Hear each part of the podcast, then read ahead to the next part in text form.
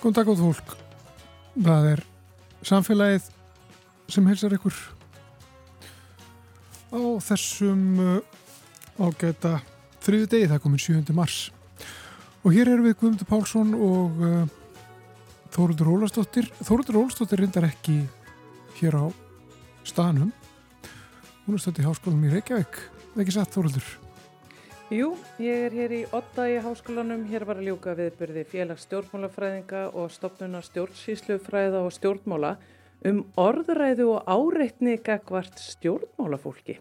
Yfirskriftin var ótímabært sálátt, svikarar og frekjur. En þetta er allt eitthvað sem að pólitíkusar hafa verið kallaðir í ofinberi umræðu. Ég ætla að ræða við tvö þeirra sem voru með framsög og fundinum. Það er Bríett B. Einarstóttir, fjölmila og bóðskiptafræðingur og Eva Marín Lindstóttir, professor í stjórnmálafræði. Ég myndi að, við erum meira því hér eftir smá stund. Svo heimsækjum við líka Sæbjörgu, skip Slísavarnaskóla sjómanna sem er reikin af Slísavarnafélaginu Landsbjörgu. Hilmar Snorrason er skólastjórið þar og hann sínd okkur skipið og sað okkur frá starfi skólans eh, fyrr í dag, í morgun. Heyrum meira því. Svo kemur ykkar Guðmundur Steffensen, Íslandsmeistari í bortennis, ekki fyrsta skipti kannski ekki síðasta heldur meiru þá eftir. En við ætlum að byrja uh, í háskólanum í Reykjavík á ráðstefnu uh, um orðaræðu og áreitninga hvar stjórnmálafólki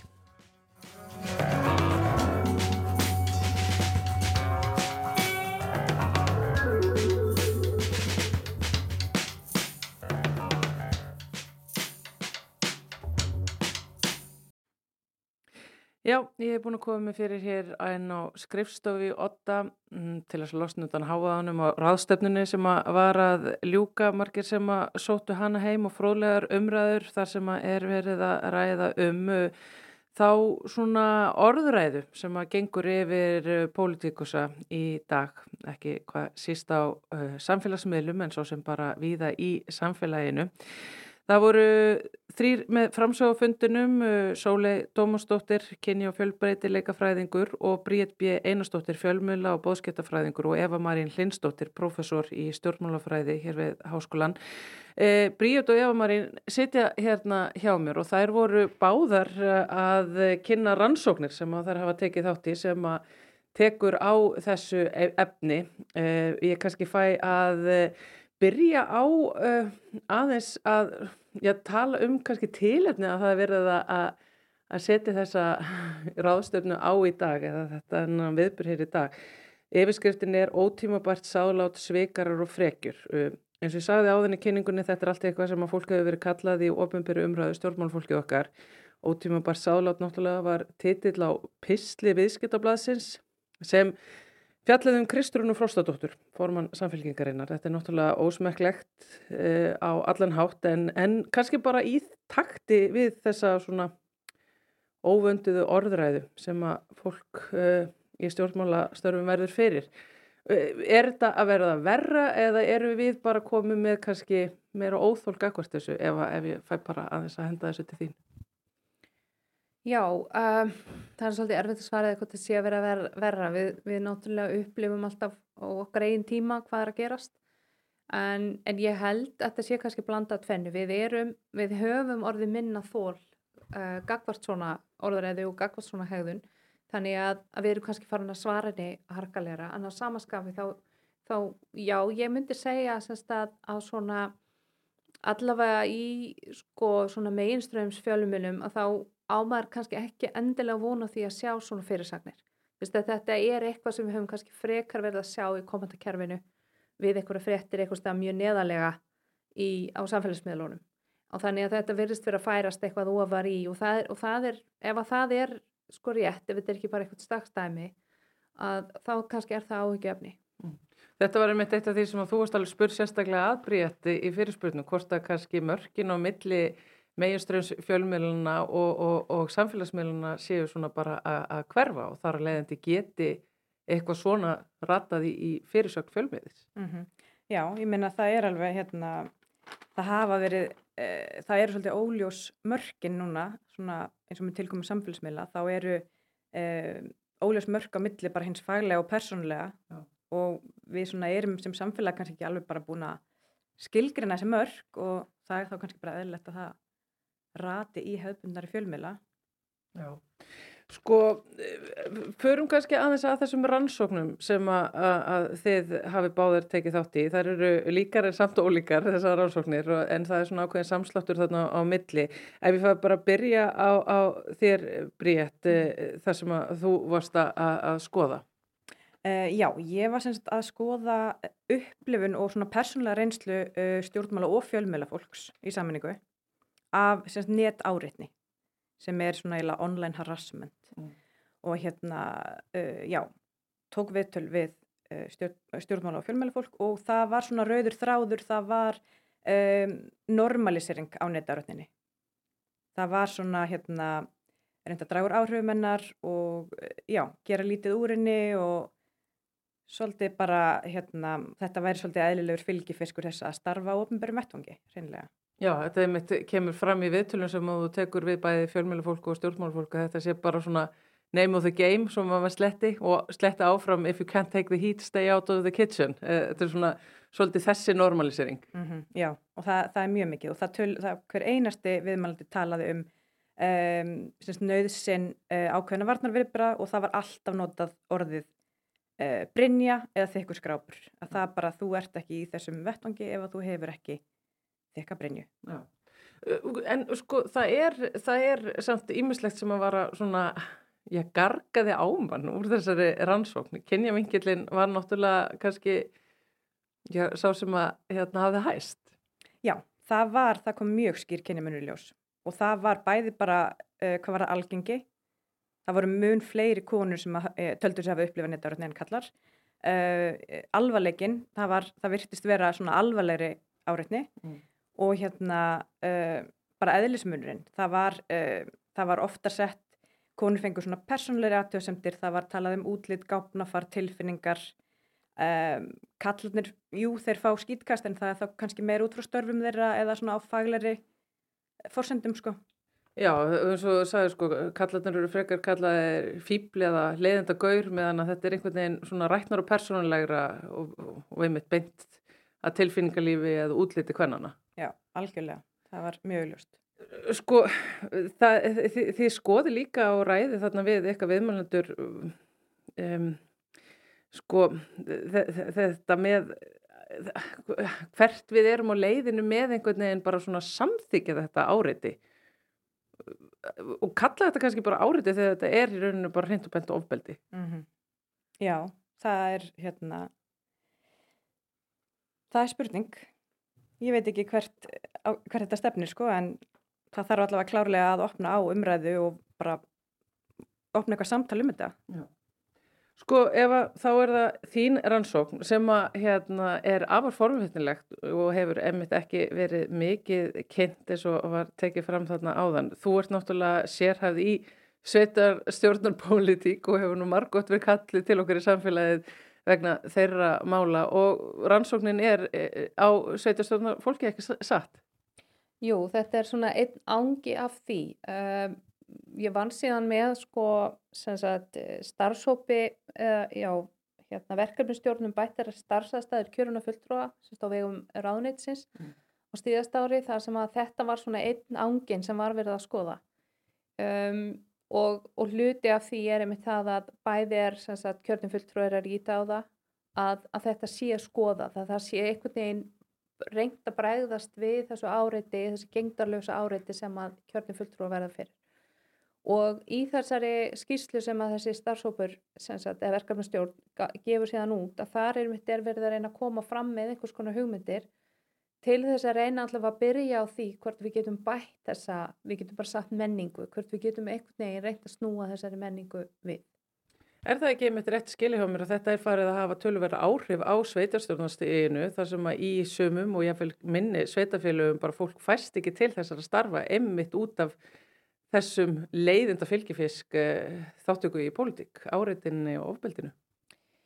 Sko, jú, það er svona, við getum kannski ekki sagt nákvæmlega hvað það er sem að veldur því að fólk fer eða vill ekki koma inn, en ég held að við getum alveg fullur það að þetta er klárlega einn af þeim þáttum, en þess að ég hef eitthvað heyrt fólk, heyrt fólk segja það sjálf. Mm.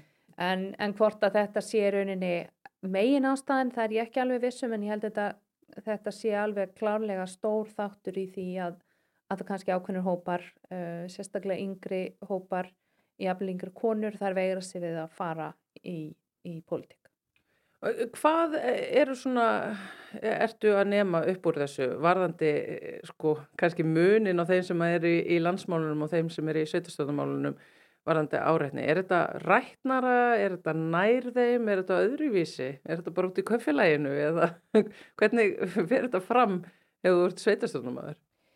Já, sko, það, ég ég get náttúrulega ekki alveg haft sambörðin við landsmálinn, sko, en, en sérst, þar sem við kannski sjáum til dæmis út úr þessum gögnum sem ég hef með er að, að þar eru þéttbillinu að þar er miklu líklegra að fólk sé að fá skilabóð svona af netmiðlunum, það er að fá þetta í gegnum tölvupóst, það er að fá þetta svona einhvern veginn utanfrá. Og meðan að þegar þú ert komin í smerri samfélög og þá sáum við mitt það að þá var fólk að tala um að fólk væri að lendi í þessu rauninni heima hjá sér þú veist, þú væri, þá ertu öruglega að fá sagt, einhverja sko, þú jafnvel færð á í heimsó þú getur ekki bara byrst heim á tröppum hjá þér. Já, bara einhver mættur og bara heyru hvernig, hvernig ætli því í sveitasjórnunni að hunskast til þess að klára deiliskypulagi þannig að ég geti farið og, og gert viðbyggingur um húsið mitt, þetta er bara svona.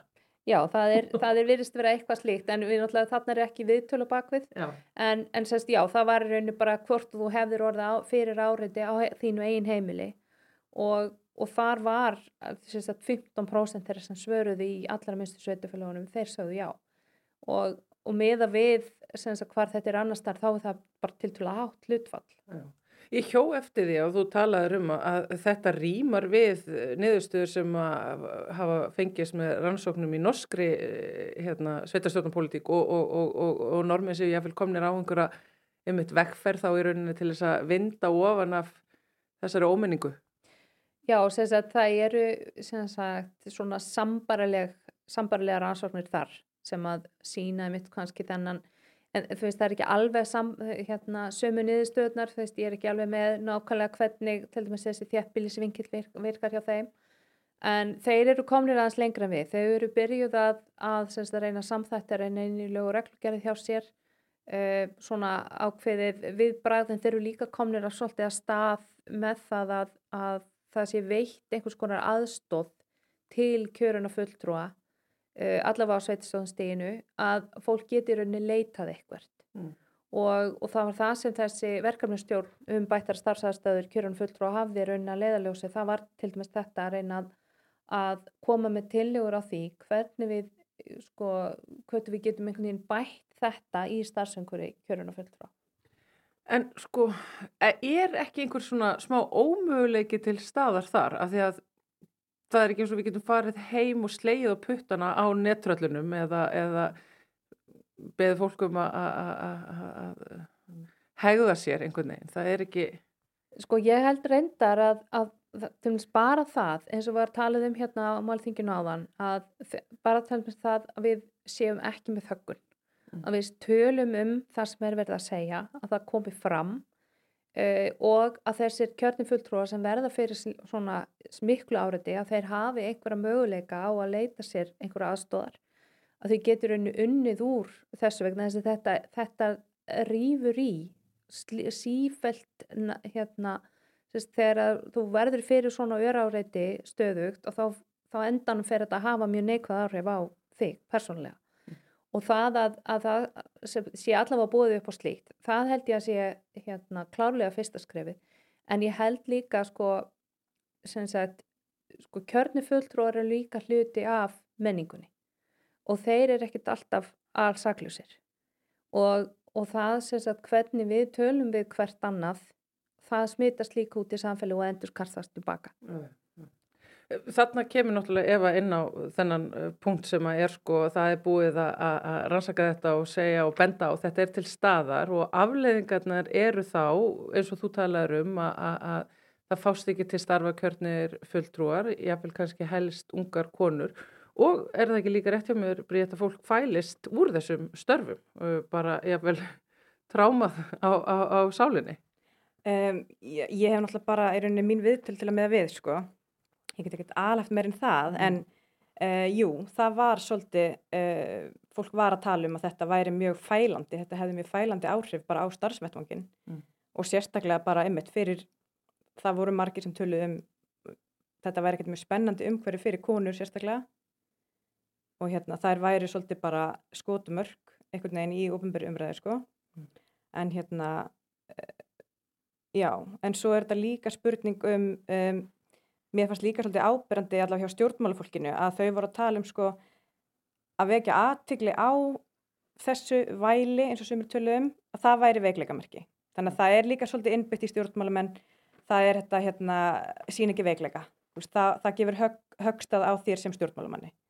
Þannig að það var svolítið svona, það var ykkur hindrun. Eh, sko aðeins að lokum langar mig til þess að grípa þennan punkt og aðeins þræða lengra einfallega eh, vegna þess að það var nú eitt af því sem var rætt í salunum í spurningunum og það er þetta með ég reynlega hvort að það sé verið að nota þetta markvist í pólitík, eh, í flokkastarfi að það sé verið að ráðast á fólk og, og, og einmitt fæla það frá störfum með svona áreitni af því að ykkar ansóknir sína báðar að þetta virkar Þetta, þetta fælir fólk úr starfinu sínu. Það var talað um skrýmstadeildir eh, sem að, eh, já, eru, eru, eru oft í umræðinni. Að, veist, bara þessu beitt markvist, svona áreiti og ofbeldi til þess að hrekja fólk úr eh, stöðum sínum, leiðenda anstæðinga í pólitík eða, eða bara veikja innviði anstæðinga flokks. Um, ég getur rauninni ekkert fullert um það hvort að þessu sé beitt á þenni hátt sem þú ert að lýsa sko. en, en við manni maður fær það stundum á tilfinninguna að það sé þannig uh, vegna þess að maður sér stundum sko að við nú tala ég nú aðlega út frá sveitistónarmálum og sveitistónarkostningum að þá sér maður stundum sko hvernig það er svona sett svolítið í yfirgýr og svo er keirt á einhverja ákveðna aðila í, í hérna sem eru að bjóða sér fram eða eru í, eru í kjöri og og maður sér alveg sko að það virðist vera einhvers konar maskina þannig á bakvið en, en hversu sko hvað maður segja hversu, hversu markvist er verið að beita sem við vitum að við þekkjum þetta náttúrulega erlendis frá. Við höfum náttúrulega sérstaklega séð kannski bandarískun stjórnmálum þar sem að þetta þekkist mjög vel. En, en ég myndi ekki segja að ég þekkti kannski að ég allavega hef ekki séð það í mínum rannsóknu en það er kannski fjölmjöla rannsóknu þar sem myndi geta svarað því. Mm -hmm. Já, ég hef ekki gögnum hvort það sé markvist en það verist vera oft bara svolítið menn, menning kannski. Og um, það voru alveg sömur hjá mér sem töluð um að lenda líka bara í innanflokks, þetta væri ekki bara sko fólk utan flokkana, Vist, það væri alveg jafnvel líka bara e, í sínum einn flokki sem það erði fyrir áreitni sko. Þannig að ég hefur einhvern meira í höndunum en það sko. Já, allan og nokkuð ljóst að þessar svokallu skrýfstadeildir eru víða afskaplega aðteklisverði rástefna Hér að ljúka og takk kærlega fyrir að ræða við okkur í samfélaginu uh, Bríett B. Einarstóttir fjölmjöla og bóðskiptafræðingur og Eva Marín Lindstóttir professor í stjórnmálafræði og við hveðjum hérna úr háskólanum.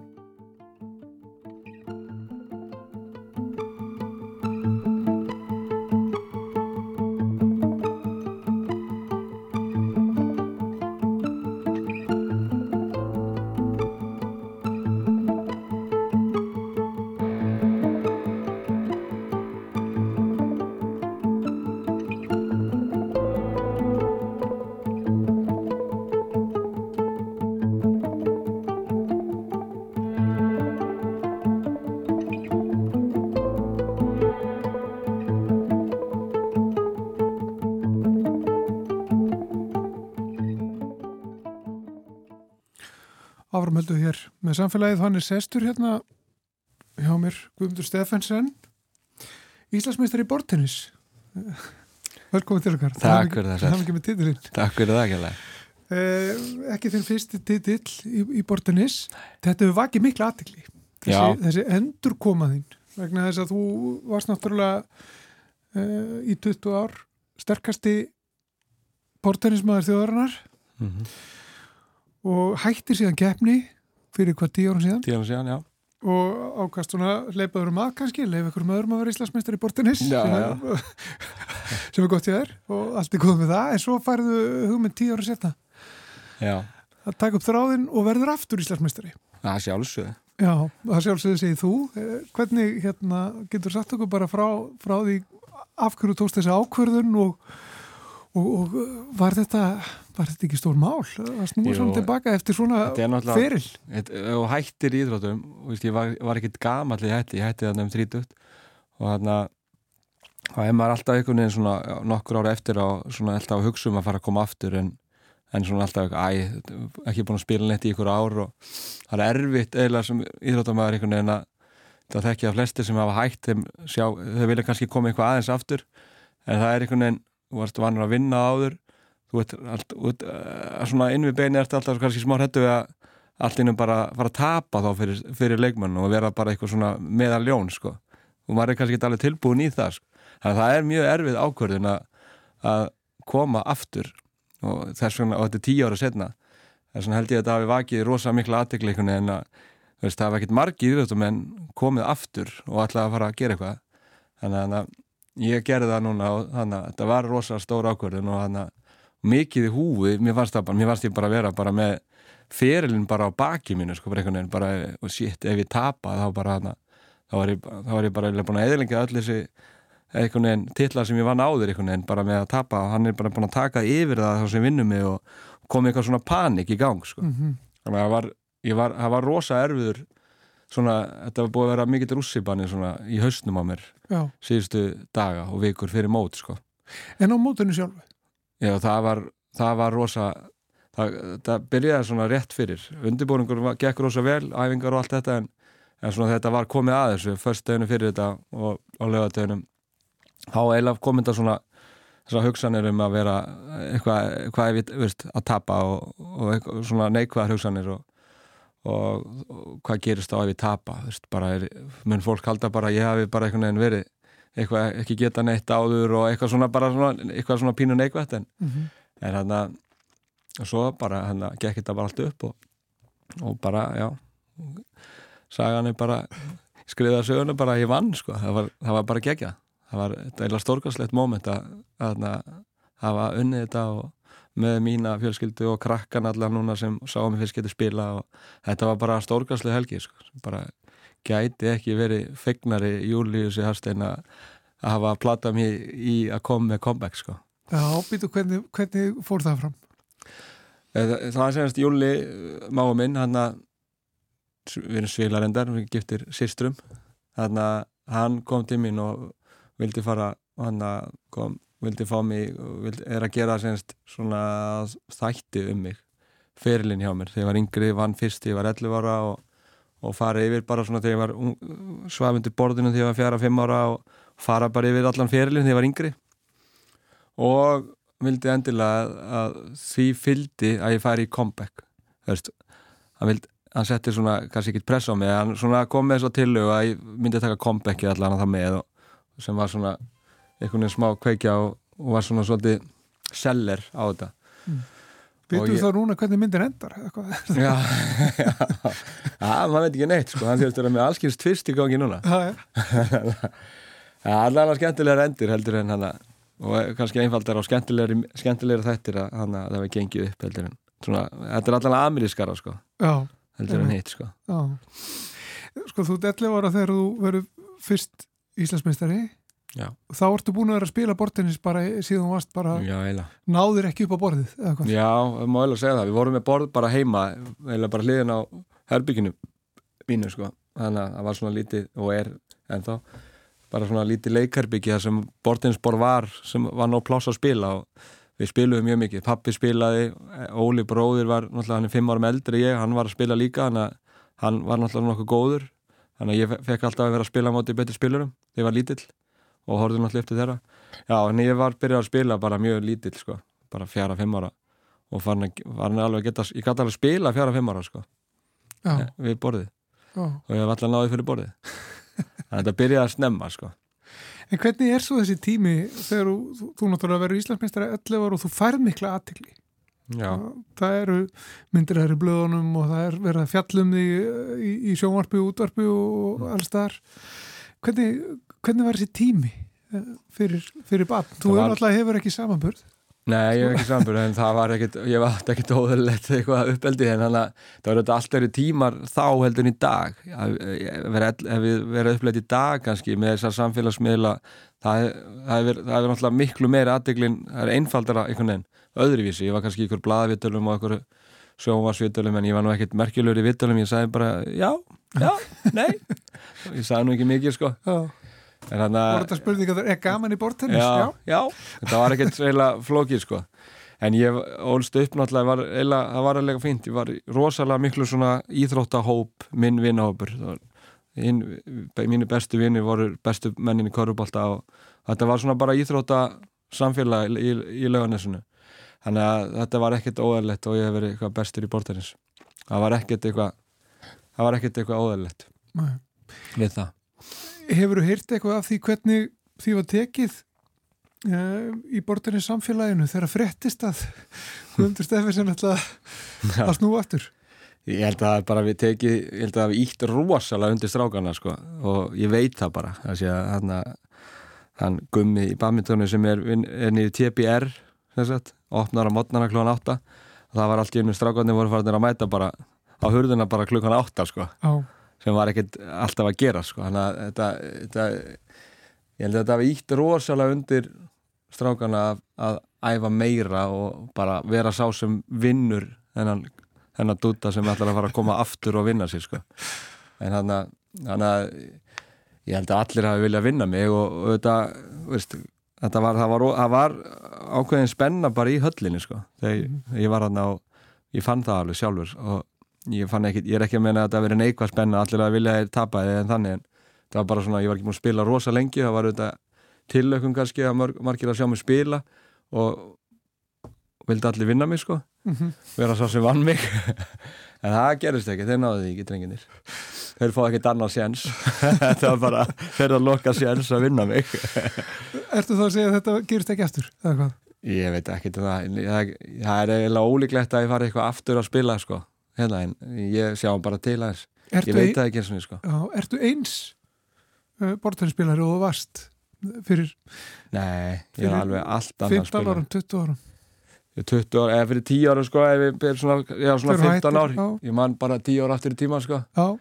þá er, nei ég var allt annar spilari þá ég, ég hefði unnið mig frekar auð, auðveldlega þegar fyrir 10 ára síðan eðlilega það ég var alveg á, alveg á toppnum og bara fullu í þessu en ég bara kom sjálfur mér ávart sko. ég náði mig mjög rætt bara í fínt form sko.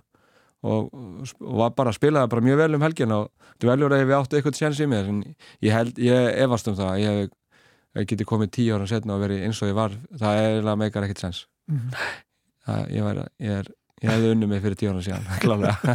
Öðvitað, Já, öðvitað. En, en þú ert svona áberandi besti bortinnis spilari sem við höfum átt íslendingar. Það lítur að hafa tókað sko þú fórst á sínu tíma út, er það ekki?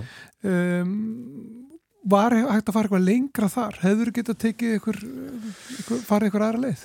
Já, það er alveg þetta, ég hefði getað farið margar aðra leiði sko. Og þarna það tókar alltaf svona aðeins í mig. Ég fór ekkert út fyrir en eftir metalskóla árin ég, ég hefði alltaf átt að fara bara 15 ára út sko, flytja bara út grunnskólan sér sett og bara út mm. í dag hefði ég alltaf gert það þannig að þetta var aðri tímar einhvern veginn þá það var meira vesen að fara 15 ára út frá fóröldurum í dag eh, hefði ég alltaf farið 15 ára út sko, hefði ég hafði fyrr uh. þannig að ég misti svona 5 ár þannig að bara alveg sem ég tapaði nokkur um árum og var svona eftir á mínu, streng, mínu, mínu svona aldurs í bortinislega séð þannig að ég tapaði nokkur mánu þannig eftir að sé, gerði ég feil þar sko.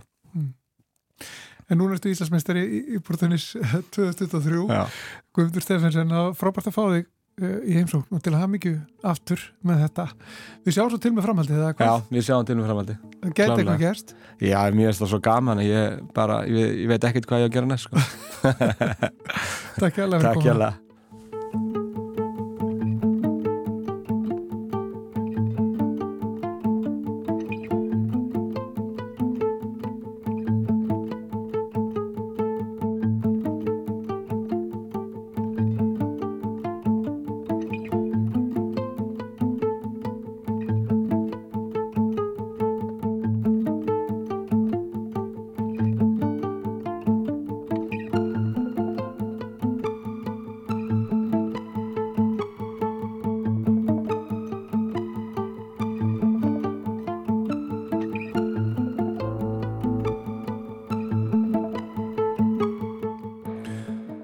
Þá ætlum við næst að kynna okkur slísavartarskóla sjómanna sem er starfrættur um borð í skólaskipinu Sæbjörgu sem margir mun eftir sem gömlu Akraborginni.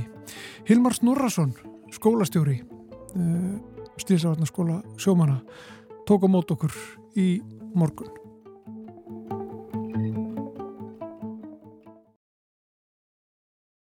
Já, svona stuttum máli þá er hérna í Sliðsarnarskólanum, þá erum við að kenna sjómannum öryggismál og uh, við erum með fjöldan allan af námskeiðum en, en uh, megin þorrið af námskeiðum okkar byggja á, á uh, alþjóðlegum kröfum til sjómanna en svo erum við með, þetta sér íslenska kröfur eins og fyrir smábóta sjóminn en hér á Íslandi þá er allir þeir sem er á skipum yfir 6 metrum, þeir verða að koma í öryggisfræðslu og viðhaldinu svo 5 ára fresti. Já. Svo að við höfum ærim, ærim verk en við höfum líka séð árangurinn. Árangurinn síndi sér hvað best árið 2008 þegar í fyrsta sinn var í sögu íslenskara sjómennsku ekki banaslis á sjó.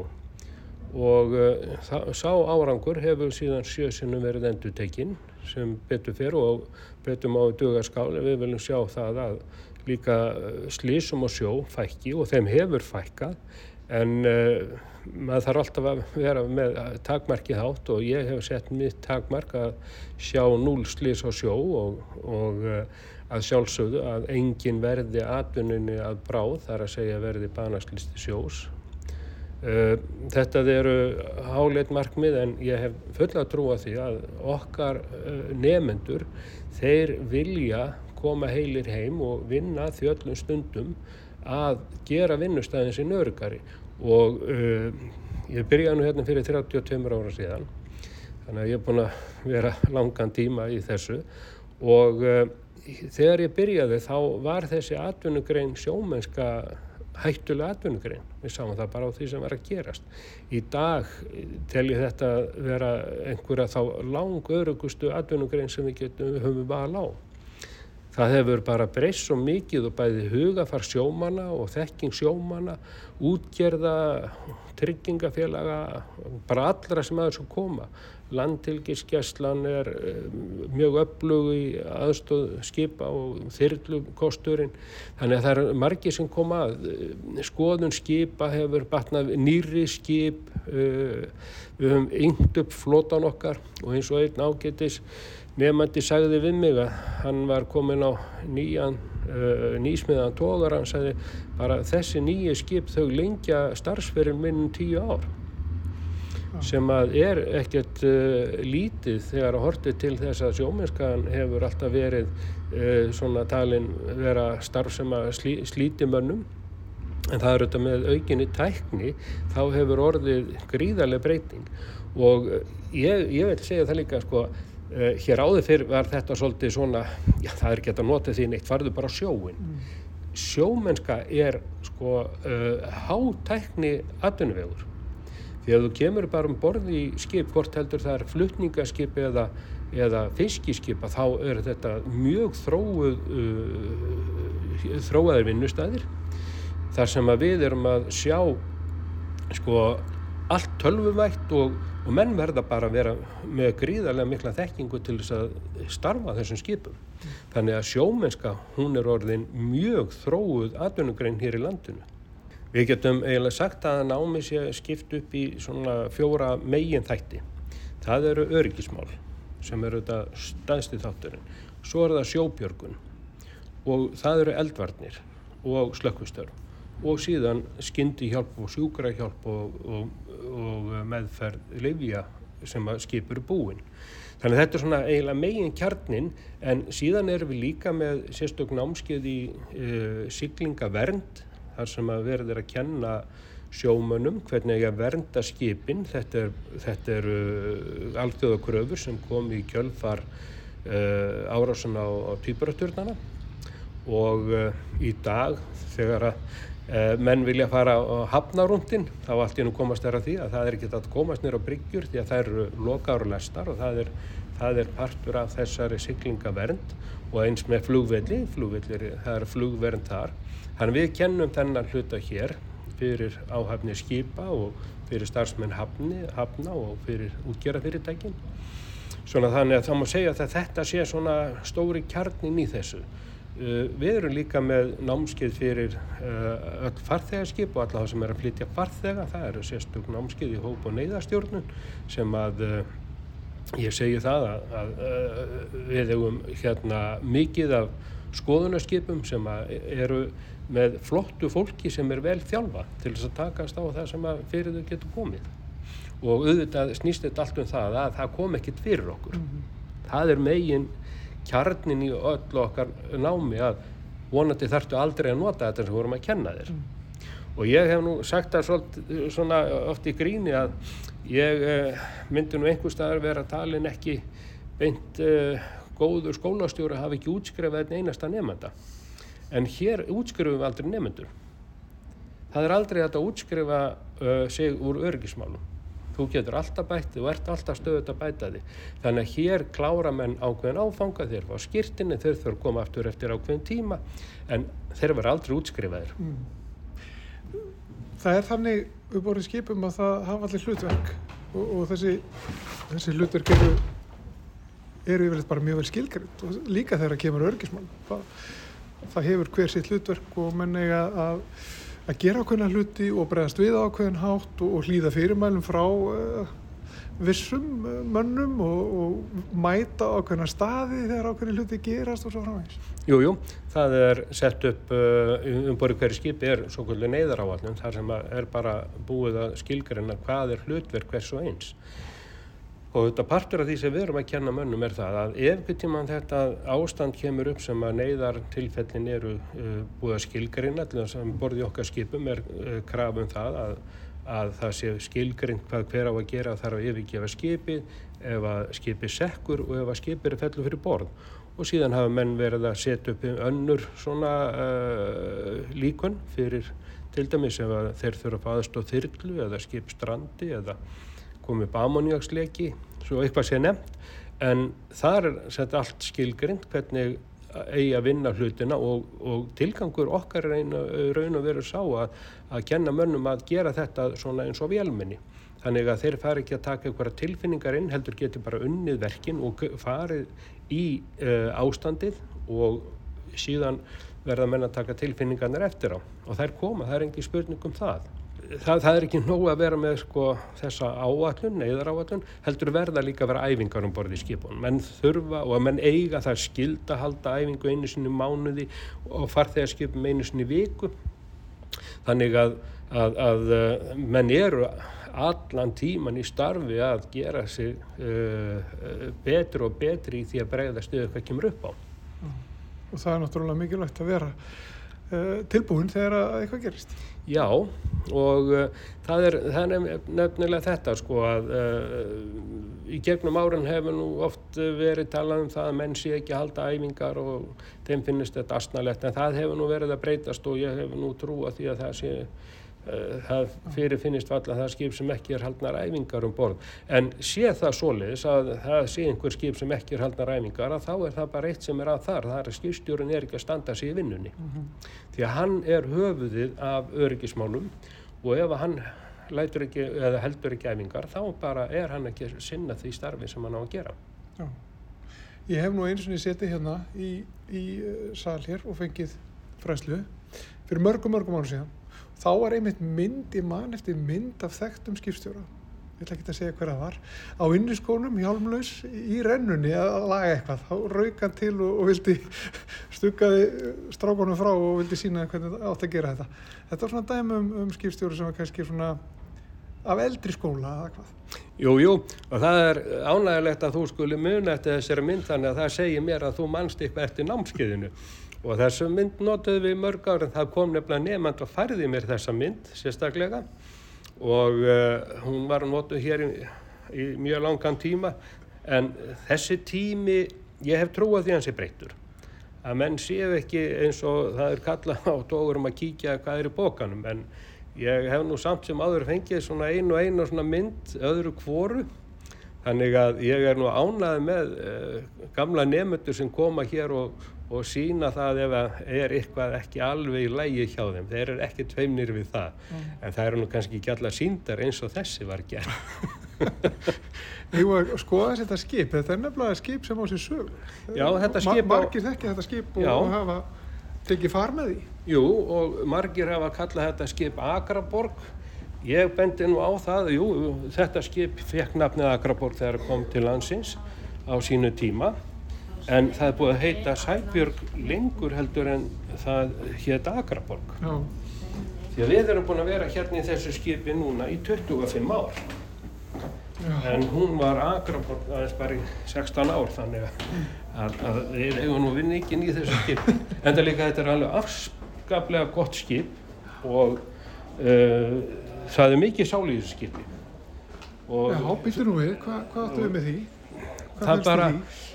Það, það, bara í, það, það er eins og hérna, ég las einhvern tíma grein sem sagði það að það veri sál í skipum og það er sál í skipum og sjómenn þekkja það.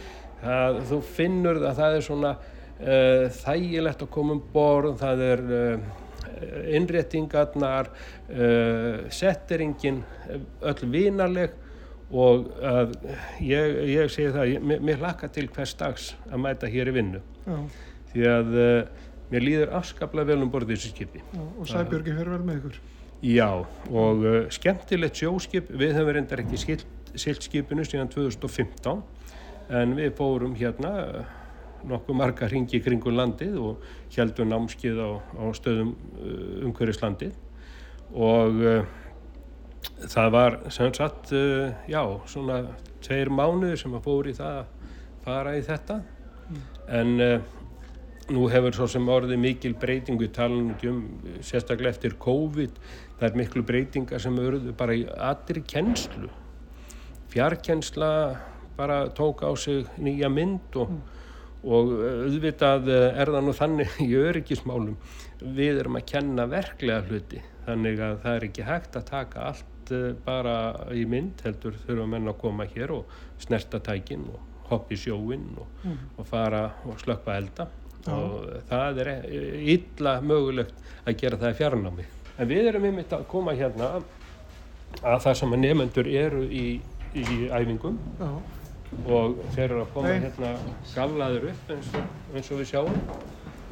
En þeir eru sem sagt að, uh, að því að sá sem að hlustar á þetta aftar sem ekki að því hvað er að gerast en hér eru nefnendur í, í slökkubúningum og uh, með reykvögunatæki á sér og eru að fara að æfa hér reykvögun og, og uh, nokkuna og þeim búnaði sem notaður til slökkustarfa. Það er ekki reykur.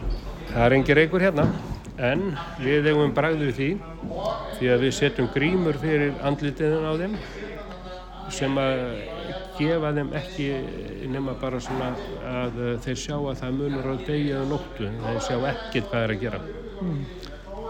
Og þeir eru að fara setja inn í hérna rými sem að Og við erum hvar þá núna? Núna- Hvað, hvað kallum við þennan? núna erum Þennan við, stað í skipinu? núna erum við það sem að var uh, bílatilfærið hér sem sagt voru bílarnir þegar að fólkið kom keirandi inn í skipið að þá keirði það hingað inn þetta er núna æfingatilfær við höfum búið til hérna akkurat það sem við stöndum núna búið til lítið skip inn í skipinu og hérna fara þessi nefnendur og muna æfa það að fara hérna um þetta rými og leita að mannesku sem er einhvers þar hérna. Þeir mun ekki sjá neitt. Við sjáum hérna bara við hliðina á okkur. Hér er eitt klefi. Svo eru uh, eins og er í skipi svo förum við hérna. Hér og... og svo komum við hér. Eða kója, það er nú ekki lengur hægt að segja að það sé kójur því að menn eru alltaf einir í klefum í dag sem betur fyrir eða svona á megin þorra flotans. Já, já, já. og við erum að fara hérna yfir tröppur og svo komum við hérna í gang. Svona hindranir, svona hindranabraut. og svona hindrana braut þar sem Já. að þeir þurfa að komast í gegnum og, og uh, hafandi það í huga þeir sjá ekki neitt. Þannig að þeir hafa skinnfærin sem eru hendur og fætur til þess að þreyfa sig áfram. Því að ekki finna þeir lykt þeir eru með öndunar Mhm. búnað á sig já. Og svo er hérna dekk sem hangi loftunum og það er hreyfing á á, á gólfinu hérna, þannig að það, það er, maður rúlar svolítið til hérna. Og þau hafa aldrei séð þetta náttúrulega þegar að dekki rekist, Mm, í hausina en þá Nei, vita það ekkert hvað er maður að vera. nefnandinn hefur ekki séð þetta rými Nei. þegar hann fer inn í það núna. Ekki þessir að þeir eru að koma í fyrsta sinn. Svo eru koni hérna í eldúsið og, og borsalinu, borðið í skipinu og við ætlum að fara síðan yfir í vélarúmið sem að Og hér sko er það ekki part, hluti af þjálfunni það er að finna fólk Já. í þessar aðstæður og, og, og bjarga því. Já, finna fólk og jável við getum líka notað þetta í því til dæmis bara þurfa að fara neyri vélarum og loka fyrir einhvern krana sem er lekur Já, já, uh, vélarum er kannski fullt af reik þannig að, að, að hérna, það er ímislega sem við getum notað til að uh, gera þetta rými eins uh, gott til þjálfunar og mögulegt er. En fyrst og fremst er eins og þessi hópur núna hann er að leita af mannesku og þegar við komum hérna fram í gangin þá uh, hefur manneskjan leigið hérna. En þeir, þeir eru að kenna þeim handtökin hvernig að halda á manneskjunni þarna fram með mitt þar sem við vorum áðan En þetta er sem sagt, nú erum við búin að vera í slökku hlutunum en við notum þetta líka rými hérna til þess að kenna mönnum og æfa menni að halda æfingar um borði í skipum. En við ætlum að fara hérna svo í sjóhlutan. Uh, það er það er að það er mikill búnaður sem að menn þarf að kunna á, búnaður sem að menn sjá aldrei. Og akkurat það sem við erum hér, þetta er búnaður sem er inni í pakningum inn í gummibjörgunabátum.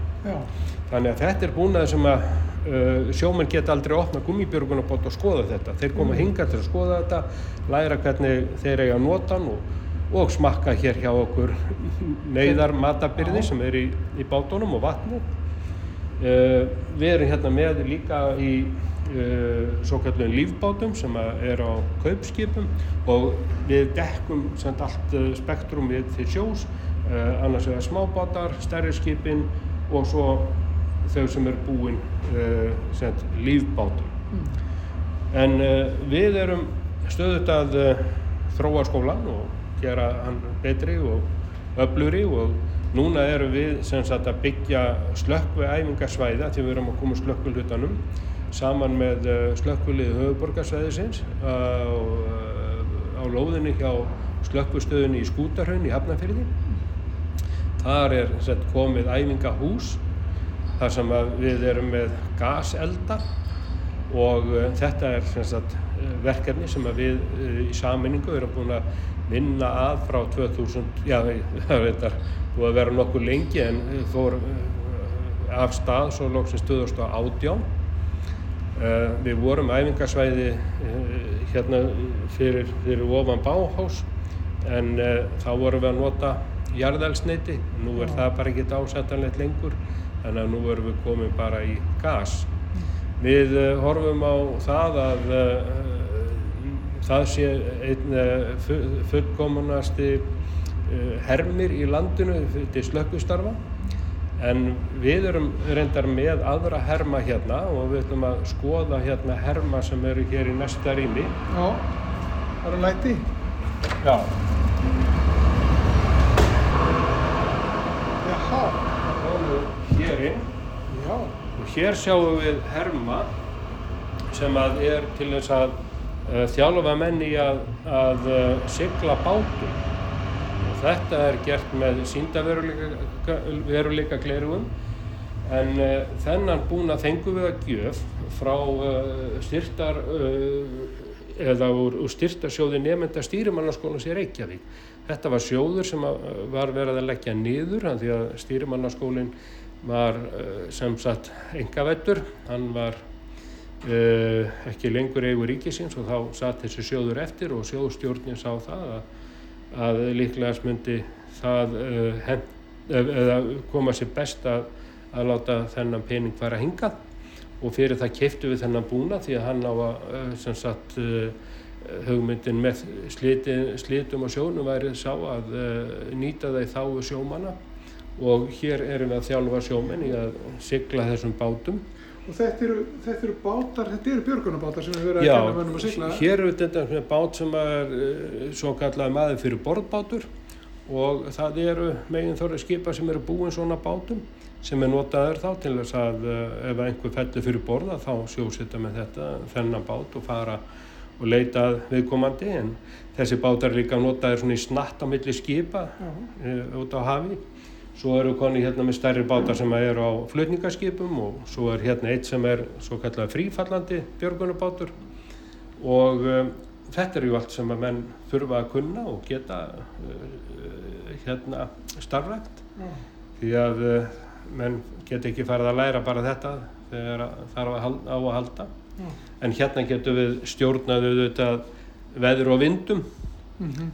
þannig að uh, þetta er svona kannski framtíðin sem við erum að sjá að, að við erum að, að uh, fá meira og meira svona tölvurnar til þess að hjálpa við þjálfun.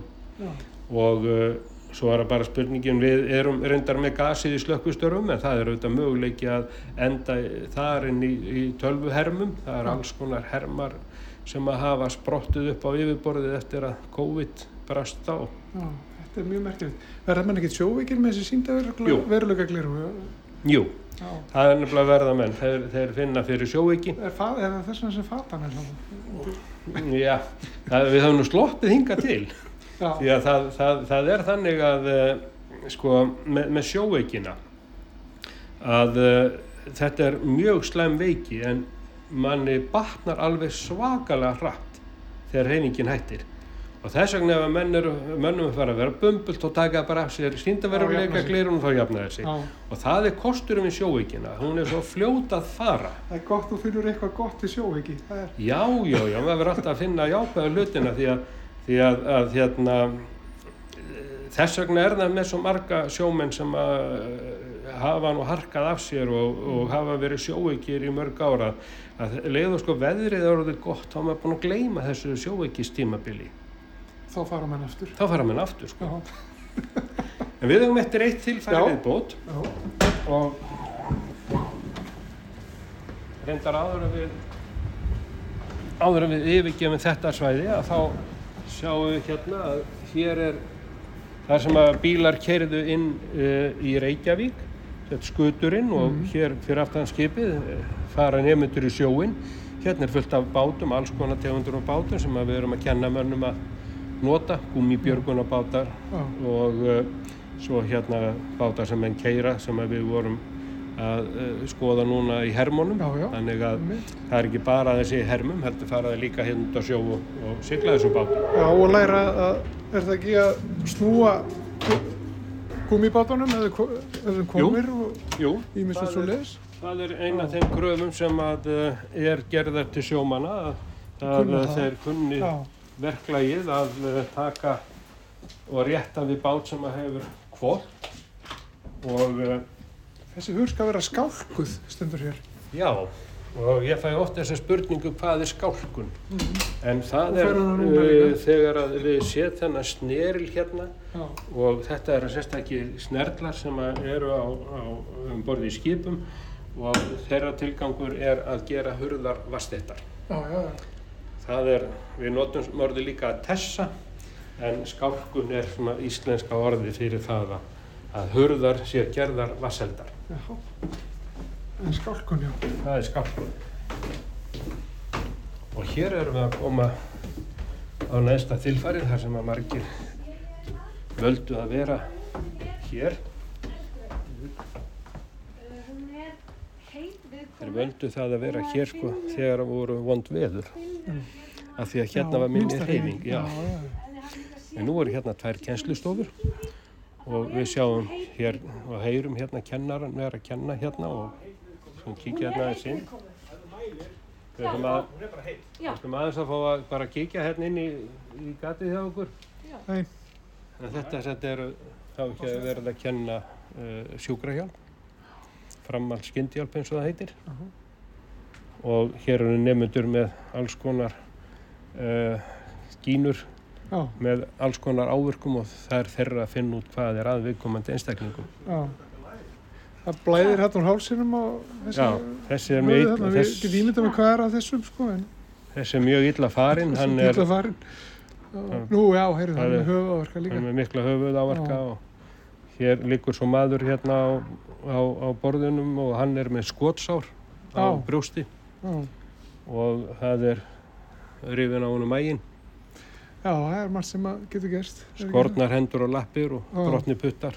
þannig að þetta er Við vorum þeirra- ekki lendi þessu. Nei, við vonum það. Þannig að hér erum við sem sagt komnir á, já eins, við erum komin aðeins undir sjó. Þannig að við erum komin það neðarlega í skipið. Hér er sem sagt skipið nýtt alveg alla, alla leið frá, nánast frá mastustoppa nýri kjöl til að, að þjálfa fólkið okkar. Við skulum ljúka þessu bara svona. Hilmar Snorarsson, skólastjóri í Slýðsvarðarskóla sjómanna. Það var gaman að fá að skoða hérna eh, Sæbjörgin og, og kynast þessu. og Takk virkilega gaman að fá að taka gamla nefnda um sem ennþá myndið eftir námskeiðinu. Betra getur ekki verið. Takk. Og með þessari heimsók í Sæbjörgu, skip Slýðsvarðarskóla sjómanna, ljúkum við samfélaginu þennan daginn. Guðmundur og Þóruldur þakka fyrir sig. Við heyrumst á morgun. Verið sæl.